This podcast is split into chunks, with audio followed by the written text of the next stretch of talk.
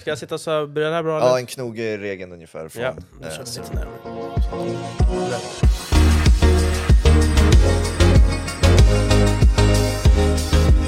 det här, du vet kanske att det här är tre av tre i Testa Stör-gänget nu som är, är med?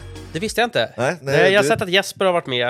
Uh, Okej, nej, så att... eh, har du haft August eller? August och Svanen, det är inte Jesper har inte varit Nej, här. nej, det, nej.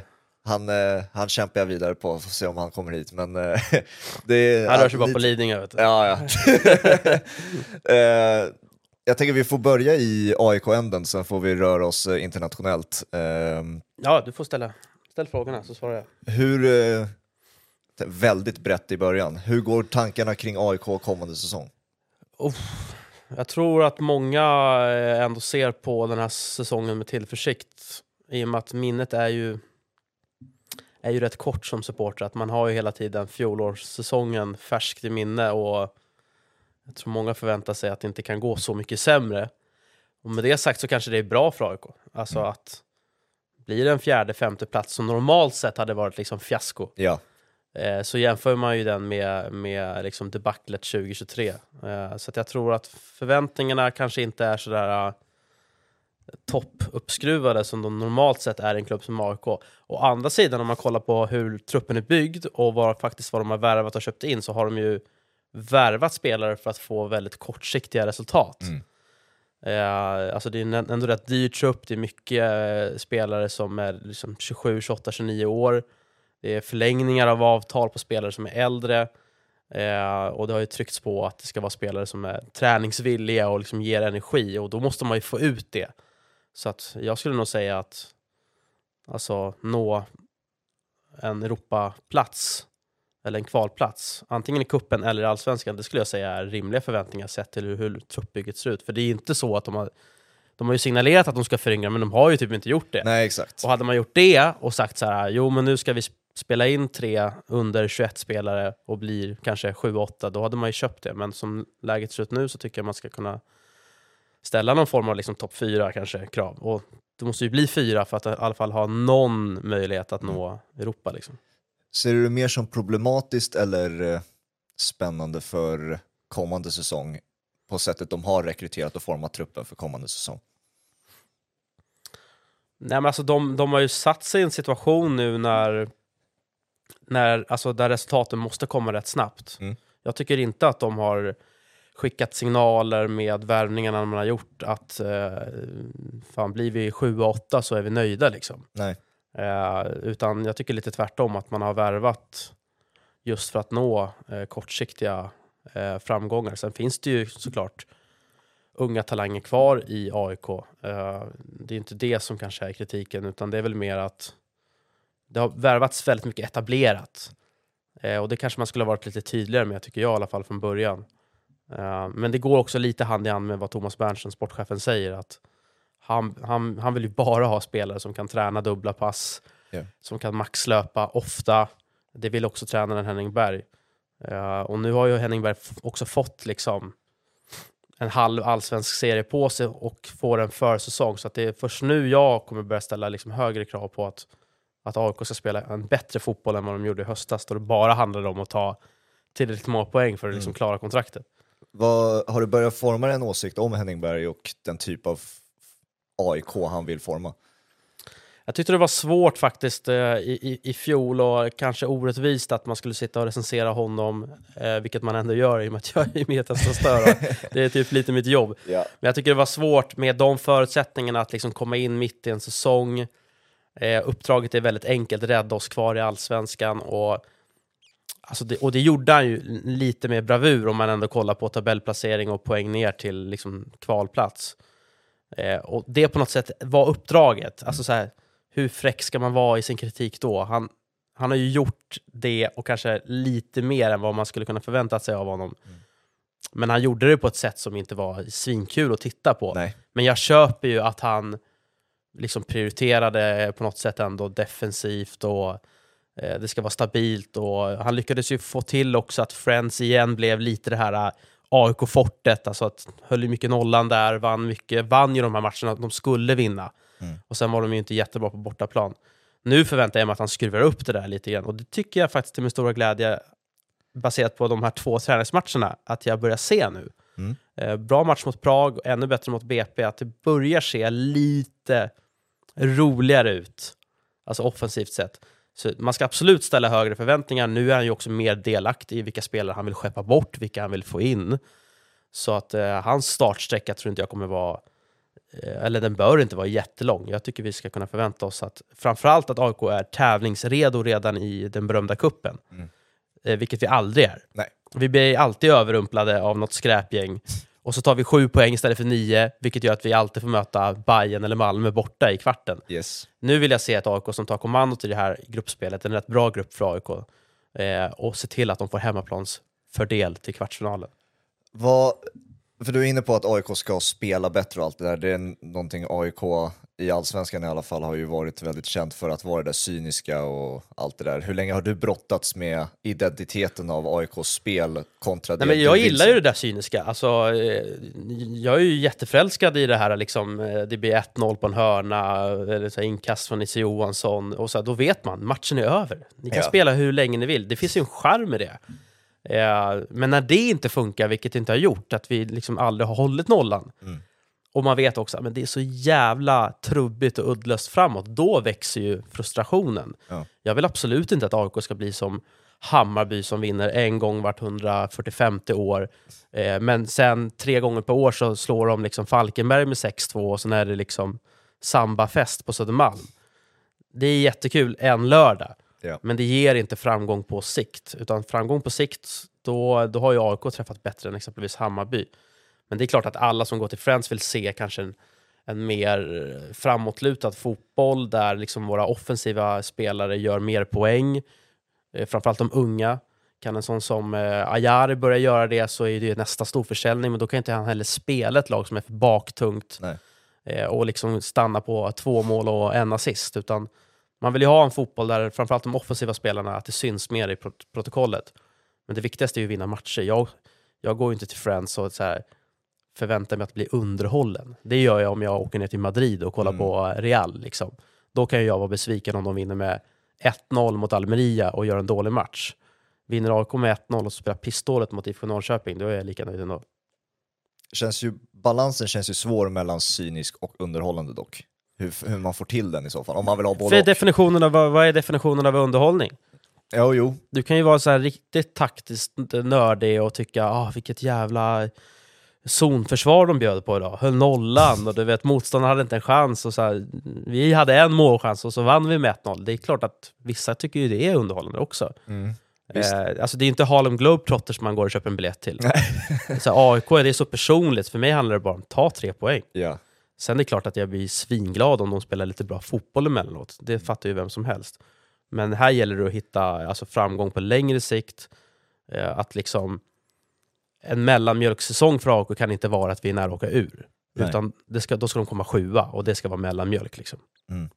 Nej, Det här med att inte värva så ungt, hur upplever du att, just när vi pratar nivå på allsvenskan, hur stor klasskillnaden är mellan dagens trupp och kanske värva yngre? För att de är etablerade, de nya värvningarna som du säger.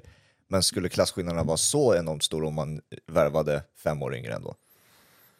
Alltså det är ju inte färdiga fotbollsspelare och det är väl det AIK liksom är ute efter, liksom, att man gärna vill ha färdiga fotbollsspelare. Mm. Eh, men det finns väl utrymme i tror jag, alla trupper att ha en, två liksom, utvecklingsbara spelare. Sen är det väl bara att kolla på de lagen som har varit här mest framgångsrika eh, senaste åren. Häcken är väl det laget som kanske ändå har lyckats bäst med unga spelare i synnerhet, alltså afrikanska importer. Malmö är ju lite mer mot AIK-hållet, så att satsar ju ofta på rutin, alltså Ja. internationell rutin, allsvensk rutin. Eh, kanske finns någon plats för en ung som Nanas exempelvis. Kollar du på resten av Malmös lag så är- värvar ju de också etablerade stjärnor. Eh, väldigt sällan de plockar in någon som är liksom 19-20 år, utan det är ju sådana här veckiga typer, Botheim och Mm. spelare som är i sin prime mellan 24 och 27. Liksom. Mm. Eh, men det, det där är ju en balansgång. Det vi däremot vet, i synnerhet i AIK, det är ju att det, det finns ju liksom tre ekonomiska ben att stå på. Det är ju publiken och säsongskorten. Eh, det är att konsekvent, eller åtminstone liksom vart tredje, fjärde år, nå ett gruppspel i Europa. Där finns pengarna. Och det är att ta fram egna unga talanger. Mm. Eh, och det har vi ju sett nu med Jona-övergången, liksom, hur viktigt det har varit. Ja. Eh, så det, det är ett jätteviktigt steg för AIK att, eh, att bibehålla det. Samtidigt som man då ska balansera kraven som vi supportrar ställer att det måste bli bättre. Liksom. Vad, hur ser du på fönstret i sin helhet, som, så som de har jobbat också med avskeden och försäljningarna som det har blivit också? Ja, nej, men det är ju en konsekvens av ett historiskt uselt sportcheferi. Man tror ju nästan att det är en sketch så här i efterhand. Det borde ju göras dokumentärer om, om, eh, om, om den tiden eh, och AIK får ju betala ett jävligt högt pris. Yes. Ja, betala bokstavligen får man Ja, eh, man får betala, man får alltså betala spelare för att inte spela fotboll i AIK. Ja. Eh, det är de här tre stora profilvärvningarna, Fischer, Dormas, Keita, de är ju alla borta Mm. mindre än ett år. Eh, en har liksom blev så bedrövad så han la av mitt i en säsong. Ja. Eh, Jimmy Dormas har, betalat för att sticka till Turkiet. Det är anmärkningsvärt. Men man ska nog ha förståelse för att det kommer ta tid att reparera. Eh, och Det är det som jag tycker är så tråkigt med eh, Jona-övergången till Bayern München. Det är att han säljs ju på premissen att AIK måste få in pengarna. Mm. Eh, I en drömvärld så ska ju AIK kunna resonera dels sportsligt, vad förlorar vi på att inte ha kvar spelaren? Mm. Eh, Även framtidsmässigt, vad vinner vi på att ha kvar honom kanske i tio omgångar till? Spela honom, han gör fem mål, eh, dubbla värdet. Nu är det liksom så här, vi måste få in pengarna för att driften går back. Mm. Det är ju inte liksom en euro som går in till Thomas Berntsens kontor, utan det är ju någon trött jävla drift det ska täckas upp för. Och jag tycker inte AIK ska behöva vara i den sitsen. Eh, att man hela tiden måste ta, det blir lite förhastat. Ja. Det blir så åh nu, nu är det 6 miljoner euro. Så här, kolla på eh, Bergvall-övergången, han har inte liksom dominerat allsvenskan, men han har spelat en hel säsong. Ja. Prislappen blir därefter. Kolla på Sonko och Häcken, som också har varit bra, men inte så här wow. Går också för liksom mer pengar. Mm. Och Jona tycker jag känns som ett, liksom ett bättre råmaterial. En Mm. talang tycker jag utan dess like. Och det svider tycker jag, att, att det känns lite som att, så här, att de är lite tvingade att sälja nu. Har du AIK, utöver Isak-affären där allting klaffade, varit särskilt bra på att försälja vid rätt tillfälle? Nej, jag tycker inte det. Och det är ju ofta för att ekonomin har varit så pass ansträngd. Att första bästa bud ibland, att styrelsen blir så, åh shit, vi måste sälja. Mm. Men kolla på Jona-övergången igen, det är, så här, det är inte bara Bayern München, det är liksom halva Premier League, det är klubbar i Spanien. Alltså det är så här, han blir ju dundersåld i juli, augusti också. Och troligtvis för rätt många miljoner euro mer än det AIK får idag. Sen är det ju en jättebra summa att få för en tonåring som inte har gjort ett enda allsvenskt mål. Mm. Alltså det är ju en bra övergång på det sättet. Men det blir ju lite som att man blir berövad eh, tårtan här. Alltså med Isak så fick man ju ändå eh, den här jackpot-våren där det började trilla in mål och det avgjordes mot Djurgården och man kände liksom för varje mål Karn gjorde så gick prislappen upp med 5 miljoner. Mhm. Och han gjorde väl till slut 10 mål. Ja. Eh, så då fick man ju både den här liksom sportsliga njutningen, stoltheten i att en egen talang är så pass bra i, i den åldern. Och det, det har man ju färskt i minnet med Isak och det var ju det man gärna hade hoppats få se av, av Jona. Liksom. Hur mycket har du hunnit se Jonas spela? Ja, men jag såg han en del i Gothia Cup som tv-sändes. Eh, där tyckte jag han var liksom på en helt egen nivå. Mhm. Ehm, och sen ja, inhoppen och BP-matchen, det är väl ungefär det, eh, det jag sett. Liksom. Och vad jämför, du säger den kvaliteten som finns, vad kan du jämföra med för, för de som inte har hunnit se honom i och med att han inte har spelat någonting? Ja, men det som gör att han sticker ut, förutom hans unga ålder, det är ju hans längd eh, och fysik. Mm. Eh, dessutom en jävligt bra avslutare med båda fötterna. Det har jag hört liksom, spelare i AIK säga, att det är det som har stuckit ut. Okej. Eh, och har man det, de liksom, spetsegenskaperna som avslutare i kombination med längden och snabbheten, Mm. det gör att man kan sälja en sån spelare på potential. Ja. Hur, eh, hur ser du det där med att nu han går till München, vad, vad är det för framtid han förväntas ha? För att det är ju det är inte Isak till Dortmund-affär på det sättet att Dortmund är ju en annan typ av klubb än vad Bayern München. Hur, är det en risk nu att vi inte hör hans namn på typ två, tre år innan det börjar bli aktuellt för A-lagsfotboll? Inte Bayern München nödvändigtvis, men ett lån eller något sånt där. Ja, nej, men det är klart att det, att det finns risk för det. det. Han kommer väl först och främst spela i, i regionalligan i, i, i, i Bayern i södra Tyskland som är väl tysk division 4-fotboll. Det är väl frågan om den nivån kanske är lite för låg. Eh, men det är en bra start. Mm. Eh, sen till hösten, om, om sommaren går som den ska, så tror jag absolut att han är aktuell för ett utlån kanske till en toppklubb i tredje Bundesliga, kanske ett mittenlag i andra Bundesliga, kanske en holländsk klubb. Eh, så att sitta och tänka på honom ur ett liksom Bayern München A-lagsperspektiv, då, då är vi nog två år bort kanske. Ja. Hur ser du på det där förresten? Med, det är ju eh, alltid intressant tycker jag att se vad unga spelare väljer att gå när den första flytten kommer. Alltså att den där, när du är så pass stor och vi har Lukas Bergvall som exempel, eller Kosi Asare nu, att det är giganterna, alltså klubbarna som är efter den. Och det blir ju ofta nödvändigtvis den klubben man säljer till också, när det är AIK eller Djurgården. Men alltså det är ju är det rätt val egentligen att gå till Tottenham, Barcelona, Bayern München? Alltså så här, på pappret så är det ju troligtvis inte det. Uh, menar, Isak lyckades inte. Nej. Och det går ju rätt bra för han nu. Mm. Uh, jag hade ju så här, om jag hade lekt fotboll manager, vilket jag gör ofta i och för sig, mm. så hade ju jag liksom tyckt att så här, PSV Eindhoven skulle vara mer vettigt. Ja. Eh, holländarna har ju sin historik med, de, de kan ju släppa fram en 12-åring, liksom. mm. det skiter ju de i, så länge han gör mål. Mm. Eh, och där kanske startsträckan hade varit kortare att få debutera i, i holländska ligan, ett PSV som också leder överlägset. Eh, eller Club Brygge, alltså som till och med är, ett, är ytterligare ett kliv ner och spela i Belgien. Ja.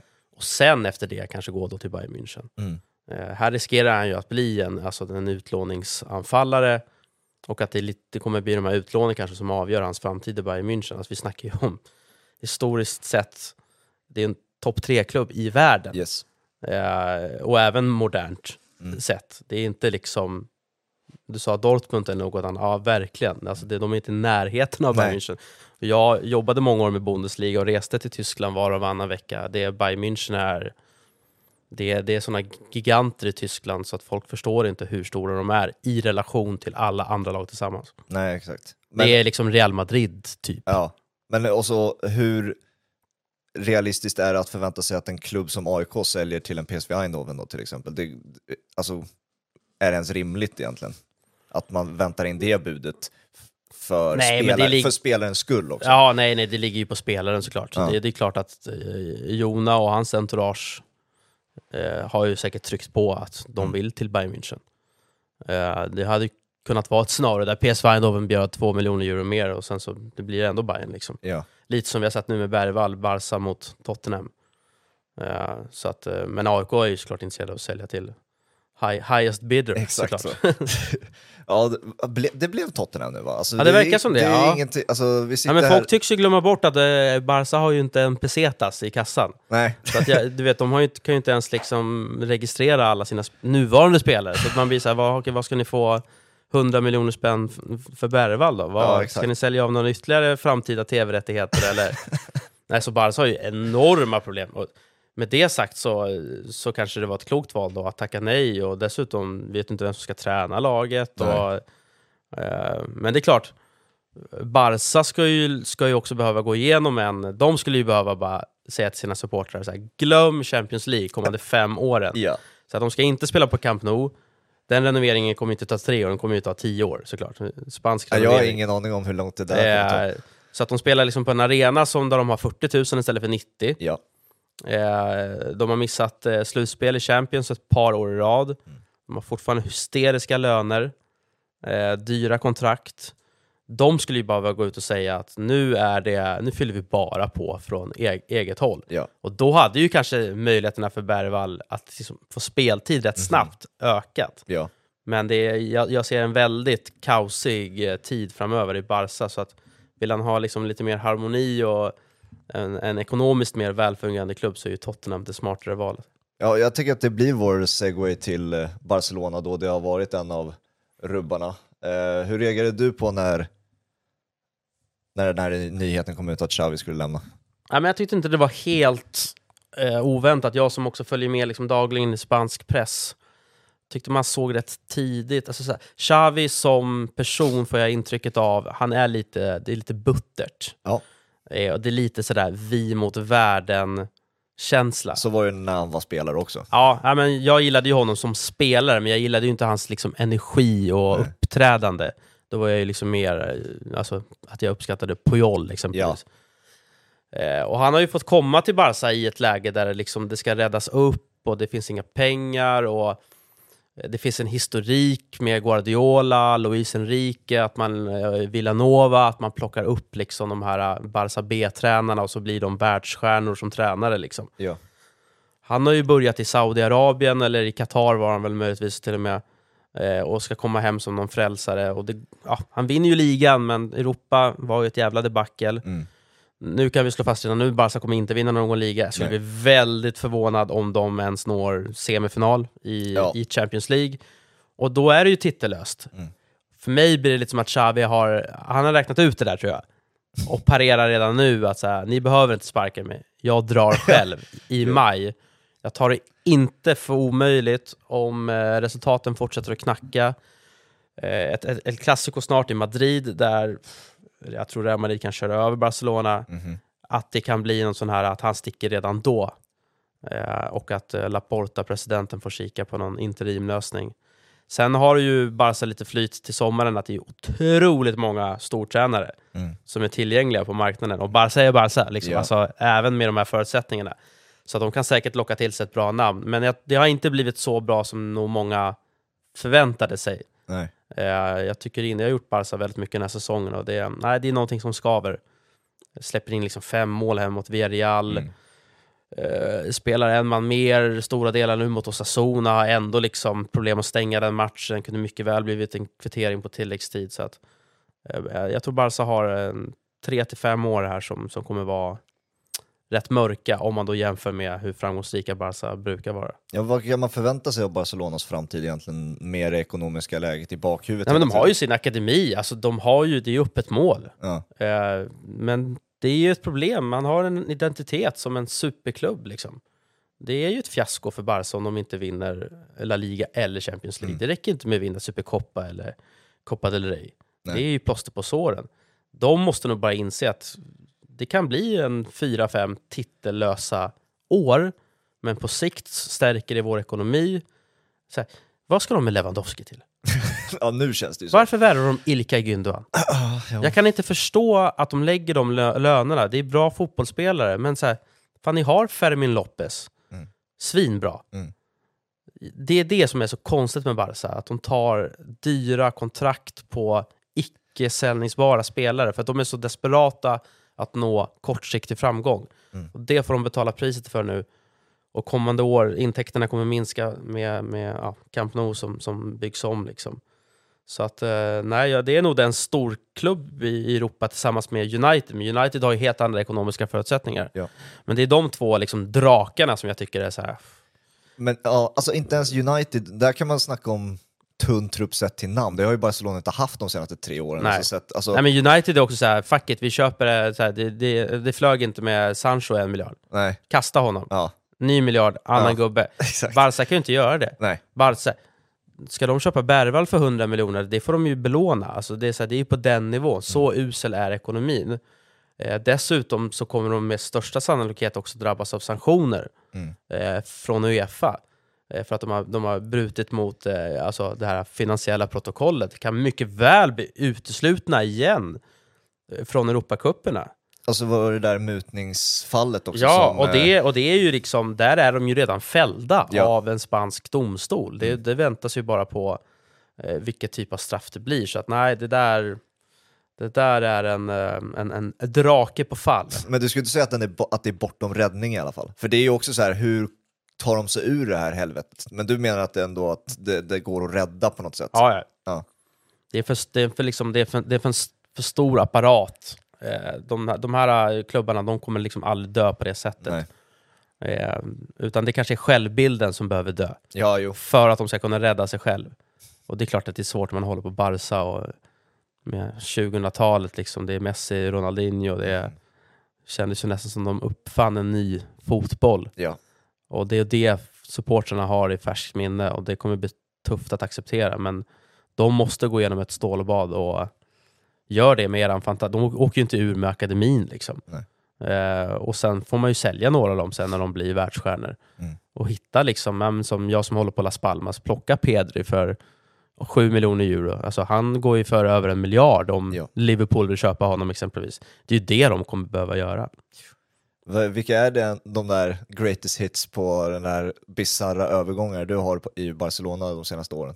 Jag, kan, jag kan, poppar upp namn som Kessie och Pjanic. Ja, ja, men det är många sådana där märkliga liksom, free transfer-spelare som har kostat liksom, hysteriska summor.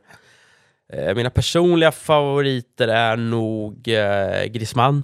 En av de absolut sämsta affärerna någonsin. Ja, Går väl för 1,2 miljarder, reas till, lånas tillbaka och reas tillbaka för 20 miljoner euro. Mhm. Eh, lönerna på Umtiti Longley, som man liksom direkt fattade, ni är för dåliga. det. Ja. Ni är inte spelande mittbackar. Fick de ju sitta och trycka på i tre och ett halvt år. Det var ju inga klubbar som ville ta över de där lönerna. Nej. Eh, Frank Kessie, jättebra exempel, det är ju en spelartyp som inte passar Nej. i Barcelona. Eh, vi har flera, Coutinho, på tal om liksom kassa ekonomiska beslut. Mm. Eh, nej, de har gjort eh, alltså, mer än en handfull fruktansvärt dåliga övergångar. Mm. Eh, och, och sen betalat ut löner som är hysteriska. Ja, det finns ju två, två liksom, typer av värvningar Barcelona har gjort. Antingen så har det ju varit lovande spelare som ändå inte har riktigt producerat det man förväntade sig. Dembélé man ändå förstod varför han gick till eh, Barcelona. Det var Ja, han, han hade ju en världsklasshöjd. Exakt. Problemet var ju hans karaktär, att han liksom missade mycket träningar, försov sig, Ja. och skadad jämt och liksom. Ja. Så att den kan jag ju liksom ändå köpa, men, men redan där och då så var ju ekonomin ansträngd och det är oförsvarbart. Du kan inte köpa Dembélé för en miljard. Alltså det, är så här, Nej. Det går inte. Eh, Det är liksom, menar, Real Madrid gör inte det och de har en rätt bra ekonomi. Mm. De värvar ju fan inte, till och med nu när de har 60 mittbackar skadade, de vägrar ju värva när det, för att det är vintertransferfönster. Ja, exakt. Det hade ju Barca behövt, en, en sån policy. Att, så här, nu är det stopp liksom. Ja, de fick ju dispens att köpa in Braithwaite, kommer jag ihåg, för eh, två, tre år sedan. När- Ja, precis. För de, fick ju, ja, de fick ju en långtidsskada på, på en annan anfallare. Och Suarez, eller? Ja, det var nog Suarez Ja. nu när du säger det. Och det är också så här, det är inte, han är inte Barca-kompatibel. Nej. Det enda det gjorde var ju att stackars Leganes åkte ut. För de, de, fick ju, de fick inte värva en ersättare. Nej, exakt. Det är så jävla risigt Ja, det är system. så fuck... Nej, det är Ja. sjukt att det fungerar. Eh, så att, eh, nej, men det, det har varit för mycket av den, av den, eh, av den graden helt Mm. enkelt. Vad, Guardiola gick ju ut med en, en, eh, ett citat som har pratats om också, att det där med att det är tusen gånger tuffare i Barcelona, allt det där som tränare. Eh, att han jämför med sin egen tid och så. Vad, hur mycket sanning tror du ligger i det där? Att eh, det är just i Barcelona du pajar inombords? Ja, men jag tror att det där har att göra lite med, jag som också är uppvuxen i Spanien kan ju liksom historiken med hela det, så här, Katalonien mot Spanien. Att Mm. bara, bara där, i modersmjölken, så är det ett, eh, ett vi mot dem Mm. eh, syndrom.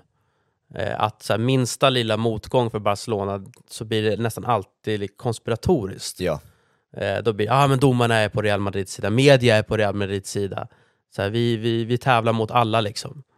Eh, och så går man in med det som, som approach som tränare och då blir minsta motgång, eh, det har vi sett på Chavez uttalanden också, det är bara så här, ja ni vill att det ska gå dåligt och nu, nu får ni er vilja igenom, så här, jag, jag drar liksom, Mm. fuck you. Eh, det, det är lite den approachen. Eh, jag tycker Barca ska höja sig och vara större än det, för att Barca är en av de världens mest klassiska och framgångsrika klubbar. Ja. Och jag kan tycka att det blir lite för mycket eh, pajkastning nu eh, mellan Barcelona och Real Madrid. Och, och till och med att Real Madrid faller in i det där, ska skicka ut egna videos med misstag som domaren ja gjorde exakt ja. mot Almeria. Man bara såhär, ja fast det är också Almeria, ni borde ha vunnit med 6-1 liksom. Var, var ligger sanningen i det? Alltså, så här, för jag har ju, alltså, Att Den enda bevisade sanningen är ju att Barcelona har mutat exakt, domarchefen. Exakt! Det Det, det kan vi ju slå fast. alltså, Att Real Madrid har gjort sin beskärda del av skit, det, det tvekar jag inte en sekund nej, nej, på. nej. Kanske obevisat då. Ja, Eh, de, de här klubbarna, få, sen får de ju också fördelar indirekt som de inte ska ha. Mm. Eh, absolut. Alltså det, jag har alltid, alltså, så, länge jag har följt fotboll och Barcelona så har jag alltid upplevt att de har favoriserats av eh, Ja, och det är det, är det bestående intrycket i Spanien, Ja. för de som inte håller på Barcelona, är ju att är det någon klubb som har fått domarfördelar och Ja. suspekta straffar, så är det Barcelona. Ja, men titta, alltså följ El Clasicon genom, visst det var Mourinho mot Pep och det var så aggressivt mot lite mer eh, Jo, men vi filosofi. snackar, de har ju kollat upp under de här 7-8 åren som utredningen gäller. Ja, Alltså, vi pratar om att Barca har fått 45 straffar och tre emot. ja, Det har varit eh, två röda kort för Barcelona och 23 röda kort emot. ja. Alltså det har varit siffror som till och med för topplag är, de är för höga. Ja. Det ska inte vara sån stor skillnad. Eh, och det där kulminerade ju när Mourinho var inne, där Real i varje El Clasico fick, Fick rött. ett eller två röda kort. Yes. Eh, jag, säger, jag säger inte att det har varit liksom mutor och alltså att domarna har lagt sig i det, det vet inte jag. Nej. Men nu är det fastslaget i domstol, så Ja. att är det någonting vi kan förhålla oss till så är det ju den spanska lagen har ju sagt att ni har brutit mot. Ja, men Lag. ja, man kommer ihåg de där matcherna. Alltså, det, Ja, det var ju vissa domslut som man säger efterhand bara det här är overkligt. Ja, så här, om Busquets, Dani Alves, Messi, Xavi eller Iniesta låg på backen var det en frispark. Det Ja. spelade liksom ingen roll Nej. om det inte var en Real Madrid-spelare i Nej. närheten. Och sen var det ju också ett jävligt, det var ett grisigt Real Madrid med Pepe, Ja, och Ramos. det var ju Mourinhos sätt att tackla det, att vara ännu mer Han grisig. såg möjligheten att slå Barca var att provocera dem. Ja, Och han lyckades med det ibland och ibland gjorde han inte det. nej. Eh, men eh, ja, det där är ju en sån här evig följetong i Spanien. Liksom. Ja. Alla andra klubbar är bara så här, ja, ja, ja. Ni, ni, någon av er vinner ändå, Ni- gör, gör, gör vad ni vill. Liksom. ja, det är ju Girona då som är ett parentes i år då. Som, Ja, ja, det, vinner de? nej, nej, inte en chans. Real, Real Madrid kommer vinna. De kan mycket väl bli två eller trea. Ja. Och fyra, alltså så här, tal om en CL-plats. Det, Ja, är- alltså. det är ju nästan jämförbart med Leicesters Premier League-seger. Ja.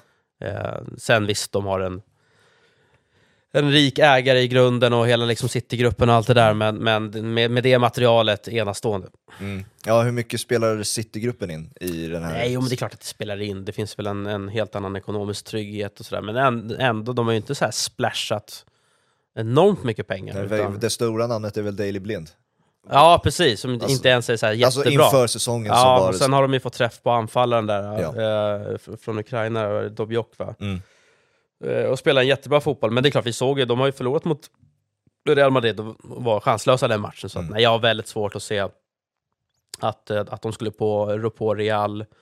Atletico tror jag också kanske i långa loppet tar lite mer poäng. Ja. Det, det måste komma en dipp snart. Ja, nej, men, så, Men de kan in absolut bli 3-4 och Ja. det hade varit MVG liksom. Ja.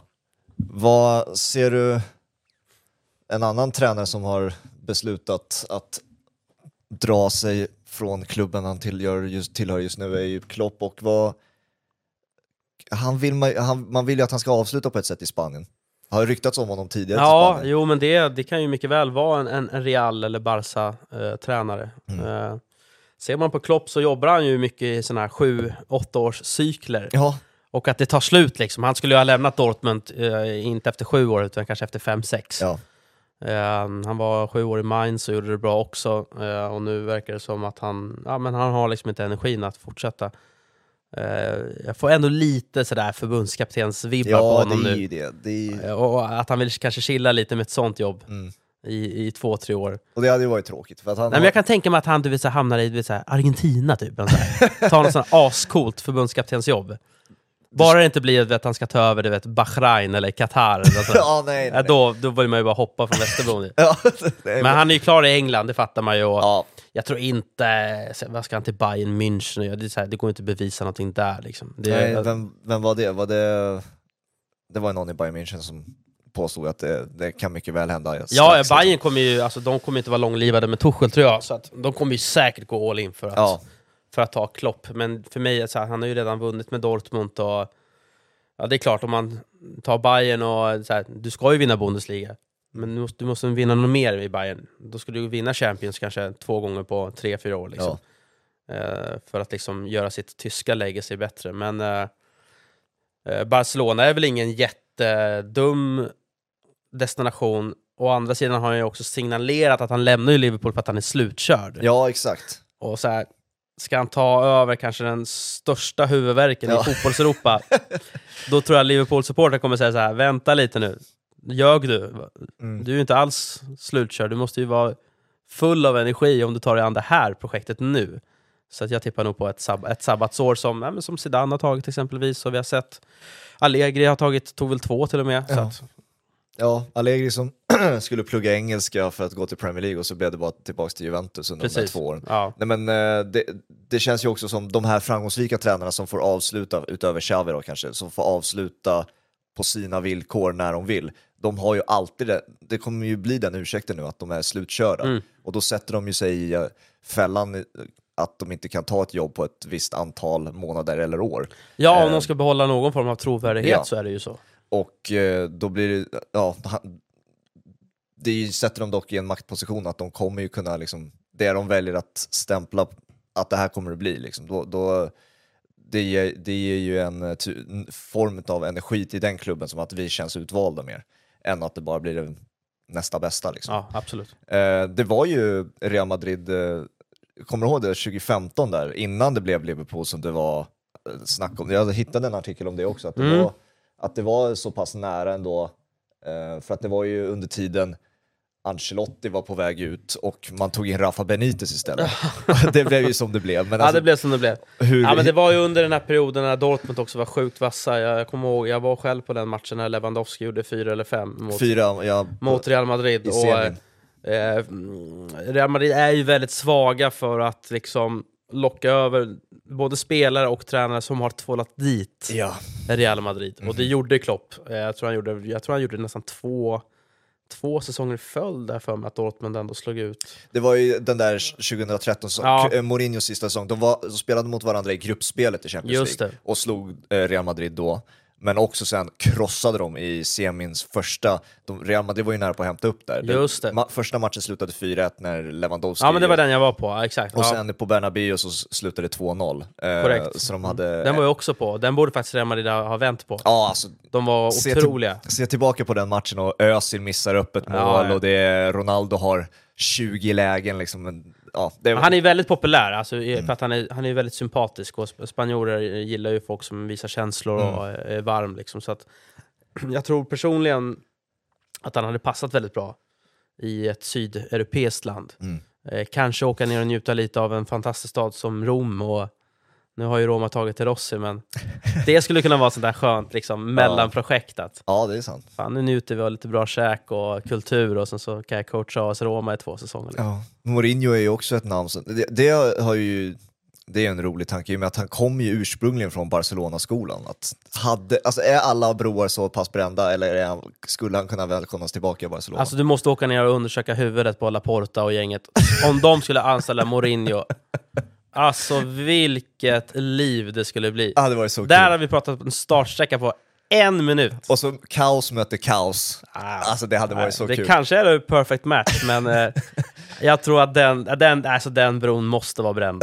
Den, det, det, det är för färskt med... Det, det var ju tydligt också att det fanns ju en, ett agg från Mourinho mot Ja, ja. Barcelona.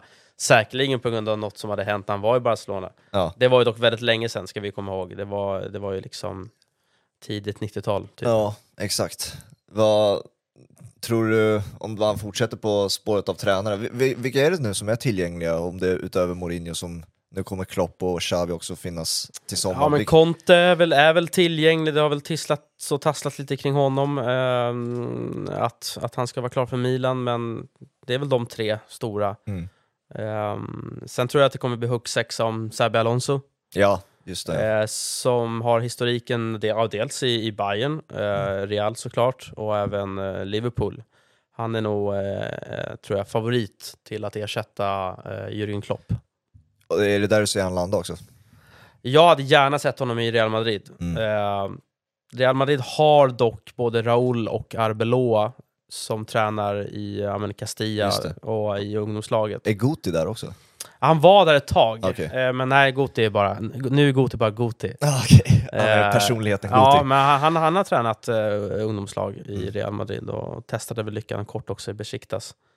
Eh, jag tror inte dock att han kanske är huvudtränarämne. Nej, okej.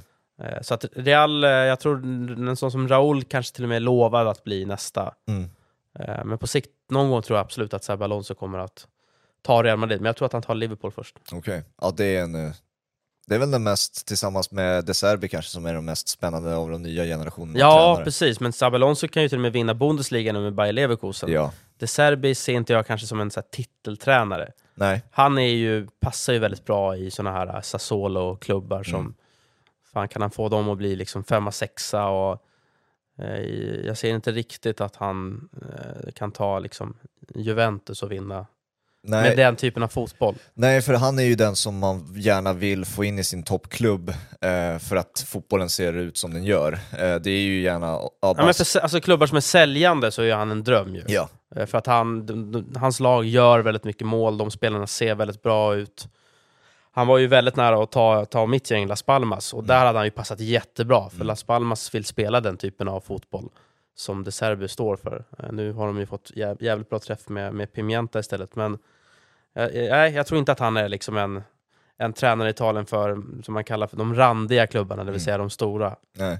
Och det, för det kommer ju vara det, nu när Xavi drar så kommer ju det vara ja, men en possession-baserad fotboll som är attraktiv och rolig att se på. Det är De Serbi och Perfect Match in Heaven, det är ju den kopplingen man gör. Liksom. Mm. Men det, det, det är ju inte riktigt det är inte alls självklart att eh, De Serbi funkar i en Barcelona eller i de stora maskinerna på det sättet.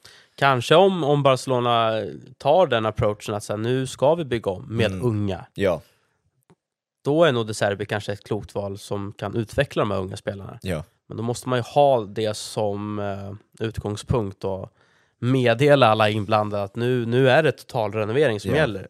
Nu, nu lägger vi inga transfersummor på nya spelare. Mm. Eh, säljer vi Lewandowski, men då, då ska någon ung in där liksom. ja. Eh, då, då hade han passat bra. Jag lyssnade på en eh, intervju där med Kevin Prince Boateng, jag vet inte om du har sett den, när han går igenom alla sina lag, som han, det var ju hur många som helst han har tagit sig igenom, men att eh, De Serbi är helt överlägsen. Och han har ju ändå haft Klopp och Mm. de typerna av tränare, att De Serbi är helt i sin egen liga när det kommer till taktiskt och tränare och engagemang och sånt där. Eh, och att det är en tränare som bör få sin chans i en större klubb. Det kommer han ju få. Och det är det, han, precis som många av de här spelarna, måste ju välja rätt. Eh, vad händer om man tar ett fel steg och då helt plötsligt, det blir en Graham Potter av det, kanske. Exakt. Vad, är, vad ska han ta vägen? Graham Ja, Potter? nej, men han, han kommer, han kommer garanterat eh, landa ett... ett eh, han kanske kan ta över Brighton igen då om, om De Serbi Ja, just det. sticker. Nej, men han har så pass aktat namn så att jag tror, jag tror inte det blir några större bekymmer för Potter att hitta, hitta ett bra jobb i England i en Premier League-klubb. Absolut inte. Ska vi avsluta på Las Palmas som du har nämnt några gånger. Vad, vad, är, vad är läget? Hur går det för dem i ligan nu? Vad ligger de? Bra! Nej, men de, de är ju ett väldigt stabilt eh, mittenlag. Har ju till och med varit uppe och nosat på sjunde, åttonde plats, vilket eh, skulle kunna bli Europaspel. Ja. Eh, så bra kanske det inte stannar på, men som nykomlingar slutar 9-10, spelar en jävligt bra fotboll. Mm. Eh, det är många i, eh, i fotbollens Europa som inte heller känner till är ju att eh, det är ju Las Palmas som uppfann tiki-takan. Okej, den storyn får du ju dra i så fall. Den, det är ju inte, det är ju ingenting Barca hittat på. Nej, nej. Tiki-taka kommer från, i och med att eh, Gran Canaria då, där Las Palmas ligger, är ju en ö. Alla lär sig spela fotboll på stranden. Och stränder är gropiga Mhm. och eh, bollen studsar. Du kan liksom inte dribbla av fyra pers på en strand. Nej. Utan du måste vägga dig fram, kort, rappt. Så att eh, det är ett begrepp som myntades på Kanarieöarna på 60-talet och som sen då A-laget började spela. Eh, och framförallt på den tiden så var ju fotbollen mycket mer fysisk och direkt. Ja. Las Palmas var det enda laget som med rappa kortpassningar tog sig framåt i banan. Då var det en journalist som använde det som ett begrepp då, tiki-taka. Okej. Alltså typ släpp, ta emot liksom. Ja. Eh, Det är som ett smeknamn för det. Eh, och så att det är Las Palmas som, eh, och det är definitivt Las Palmas nu som är det laget som spelar tiki-taka-fotboll. Mm. Var det framgångsrikt då när det togs fram? Ja, Las Palmas hade sin storhetstid också sen lite senare på 70-talet eh, med en tredje plats och var ett topplag i Spanien. Okej. Ja, fan vad, vad, vad var det som gjorde, ve- vem var det som bidrog med att det togs över till de eh, större klubbarna och att det blev en, alltså när det myntades av att Barcelona tog Nej, men jag skulle nog säga att det kom med eh, Johan Cruyffs intåg, både som spelare men sen när han tog över som tränare. Det var ju då Barca satte sin prägel på det Barcelona vi ser idag. Att alla tränare som har, som har eh, varit efter Cruyff har ju varit stöpta lite i den Mm. skolan. Men var det uttalat att de inspirerades av Las Palmas? Nej, det kan jag inte påstå att det var. Men, men det, det som stör mig som Las Palmas-bo och Ja. Las Palmas-supporter är att många tror att tiki-takan är någon modern uppfinning från Barcelona. Det är det inte. Nej, Utan det finns andra lag, i det här fallet Las Palmas, som är grundaren av spelsättet. okej. Sen har ju Cruyff med sitt Ajax och med sitt Barcelona spelat en fotboll som påminner väldigt mycket om det. Ja, Alltså possession och rörlighet och kortpassningar. Och det är därför Barca kan vara så jävla svårt ibland att kommentera. Mm. Eh, för att när Barca inte funkar, då blir det väldigt mycket bara det. Att det blir liksom att man spelar på utsida, det blir som ett handbollsanfall. just det. Det, det händer liksom aldrig någonting som är så här, åh vad hände där? Kom det en löpning där? Och det kom ett långskott. Det, det blir liksom rätt monotont att kommentera Mm. Barca när de inte funkar. Men det var ju väl, antar jag, eh, när, de, när de funkade som bäst också, när det inte gick att ta bollen av dem i 90 minuter. Alltså det var ju att de spelade i sin egen planhalva, eller på offensiv planhalva. Jo, 90 men lite så här samma syndrom som spanska A-landslaget kan ha ibland, när man spelar utan anfallare och det bara är Jo, jo, det är 90-10 possession, men vad har ni skapat då? Ingenting. Nej, exakt. Alltså, det blir, tycker jag, tråkigt att titta på. Jag, Ja. gör- Du gör ju hellre alltså ett Real Madrid som inte mår bra, då blir, det blir ju 5-5 i den matchen. Ja, exakt. För det är ju bara kontring på kontring och någon tappar bollen och liksom eh, Barca, eh, nej, de, har, de har ett spelsätt som är väldigt, väldigt, väldigt speciellt och säkert en anledning till att en sån som alltså Lewandowski, han är ju typ inte involverad så mycket Nej. i spelet. Man ser på honom att han är frustrerad, han liksom passar inte riktigt in. Nej. Sen visst, han gör lite mål här och var, men de behöver speciella typer om de ska spela den fotbollen. Men i Spanien när det går som det går ibland då med handbollsanfallen, då produceras inget eh, framåt, ingen, inga mål och sånt där. Är det ändå en, en vinkel på det man tar att äh, men, vi spelade bättre, vi var bättre men det blev inga mål? Eller ser man, finns det en frustration som det kanske är här i Sverige ifall ett lag skulle hålla bollen i 90 minuter och inte skapa någonting? Vad, hur ser spansk fotboll på det? Ja, men det finns någon större stolthet i, i spanjorerna att, att ens lag har spelat bra fotboll. Ja. Sen är också den frågan, den eviga frågan, för att det är så här, okej, men vad är bra fotboll? Ja exakt, men enligt Spaniens mått mätt är det att behålla bollen inom laget då? Ja, och det är ju också så alla spanska fotbollsspelare blir eh, fostrade. Det är ju väldigt sällan du ser att det kommer upp såna här Morata-typer som är mera buffliga, stora, starka. Ja. Alla ser ju ut som Xavi, Iniesta, korta, kvicka, eh, tekniska eh, mittfältare. Det är ju det alla vill bli liksom. Ja. Sen ibland titt som tätt så dyker upp en Ramos, någon försvarsjätte liksom. Ja. Men det är väldigt så här utstöpt att de vill ha den typen av, av spelare. Inte bara Barca utan A-landslaget. Ja. De flesta klubbarna i Spanien, det är väl kanske uppe i nord i Basken man kan se att det är lite mer fysiskt eh, rakare spel. Liksom. Mm. Att man premierar gärna hellre lite mer satta spelare och liksom, vi är bra på fasta och på inlägg och liksom. Ja, men det, det är roligt det där med när man tittar på det framgångsrika laget från typ 2008. När- Alltså, alla som du säger såg exakt likadana ut, möjligen inte Ramos, och sen hade vi en Torres liksom. Och Ja. det var väl därför han stack ut så mycket som han gjorde när han kom Mycket fram. tack också. vare sin fysik ja. Ja, för att han- och längd. Han hade inte, han, knappt 10% av den teknik som resten av laget hade, men han var, han, var så unik i sättet, så, i, och det funkade också i, i det Spanien som eh, Ja, han hade ju några mittfälten som kunde lägga assist, assistpassningar. så att, eh, Alltså det är en helt annan typ av ja, spelare. Absolut. absolut. Eh, det, det, man, den närmsta man kan komma och jämföra är ju Morata, men där, det är inte samma typ av...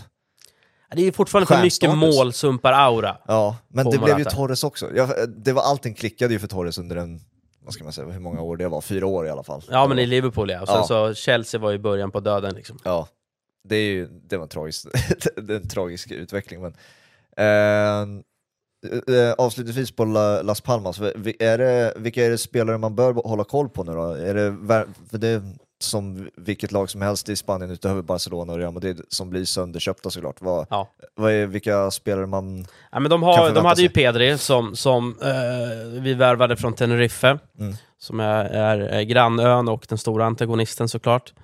Ehm, nu har vi en ny spelare som heter Alberto Moleiro som är lite i den Pedri-formen. Okej. Eh, som är, det är det i kommande storförsäljning. Eh, sen eh, är målvakten Valles, Mm. som har varit bäst i La Liga. Eh, faktiskt. Eh, tror jag också kommer att lockas av lite andra bud möjligen. Är han spanjor? Han är spanjor, eh, så att, eh, det är väl de två jag tycker man ska hålla koll på. Eh, sen tycker jag det nästan är coolast, en av ligans bästa mittfältare just nu, eh, som heter Kirian Rodriguez, som spelar i Las Palmas. Tror till och med han blev uttagen i landslaget här nu. Mm. Som bara för något år sedan var sjuk i cancer Åh, fan. och riktigt risig och har lyckats komma tillbaka och är på en helt annan nivå än de Okej. andra. Så det är en spelare ni ska kolla på. Om ni gillar de här klassiska spanska tvåvägsmittfältarna så är han är fantastisk. Fan vad coolt. Vad var, vad var han eh, innan då? Eh, Uppmärksammades det någonting när cancern kom? Ja, absolut. Ja, ja. Eh, Var, var han i Las Palmas då också? eller? Ja, han var i Las Ja, Palmas. okej. Så att han var ju borta ja, väldigt länge. Jag minns inte om det var tror det var någonting med lym, lymfkörtelcancer Mm. eller något sånt. Alltså väldigt sjuk liksom. Och du vet, tappa hår och få gå igenom chemoterapi och liksom. Så att det har ju varit en, en riktig sån här äh, Askungen-saga liksom. Ja. Att han nu har blivit så pass bra att han till och med liksom håller eh, landslagsklass. Så att, eh, det är väl de tre eh, spelarna. Eh, det är ett jävligt roligt lag att titta på. Mm. Ja, jag måste bli bättre på att följa Las Palmas. Det, Det måste alla bli. Ja, exakt. Det, det, Och det är ett lag- roligt lag att heja på liksom. Det är så här, Jag förstår det varje gång jag pratar Las Palmas med dig, men jag är dålig på att följa upp det. ja. men eh, ja, det är en trevlig ö att åka till också. Så att man jo, det förstår jag ju. Absolut. Eh, jag tänkte vi kunde avsluta där. Eh, stort tack att du kom. Ja, tack själv. Det var skitroligt att ha dig här. Eh, prata gärna AIK och spansk fotboll med dig i framtiden också. Absolut. Eh, stort tack till alla som har lyssnat. Vi hörs snart igen. Ciao!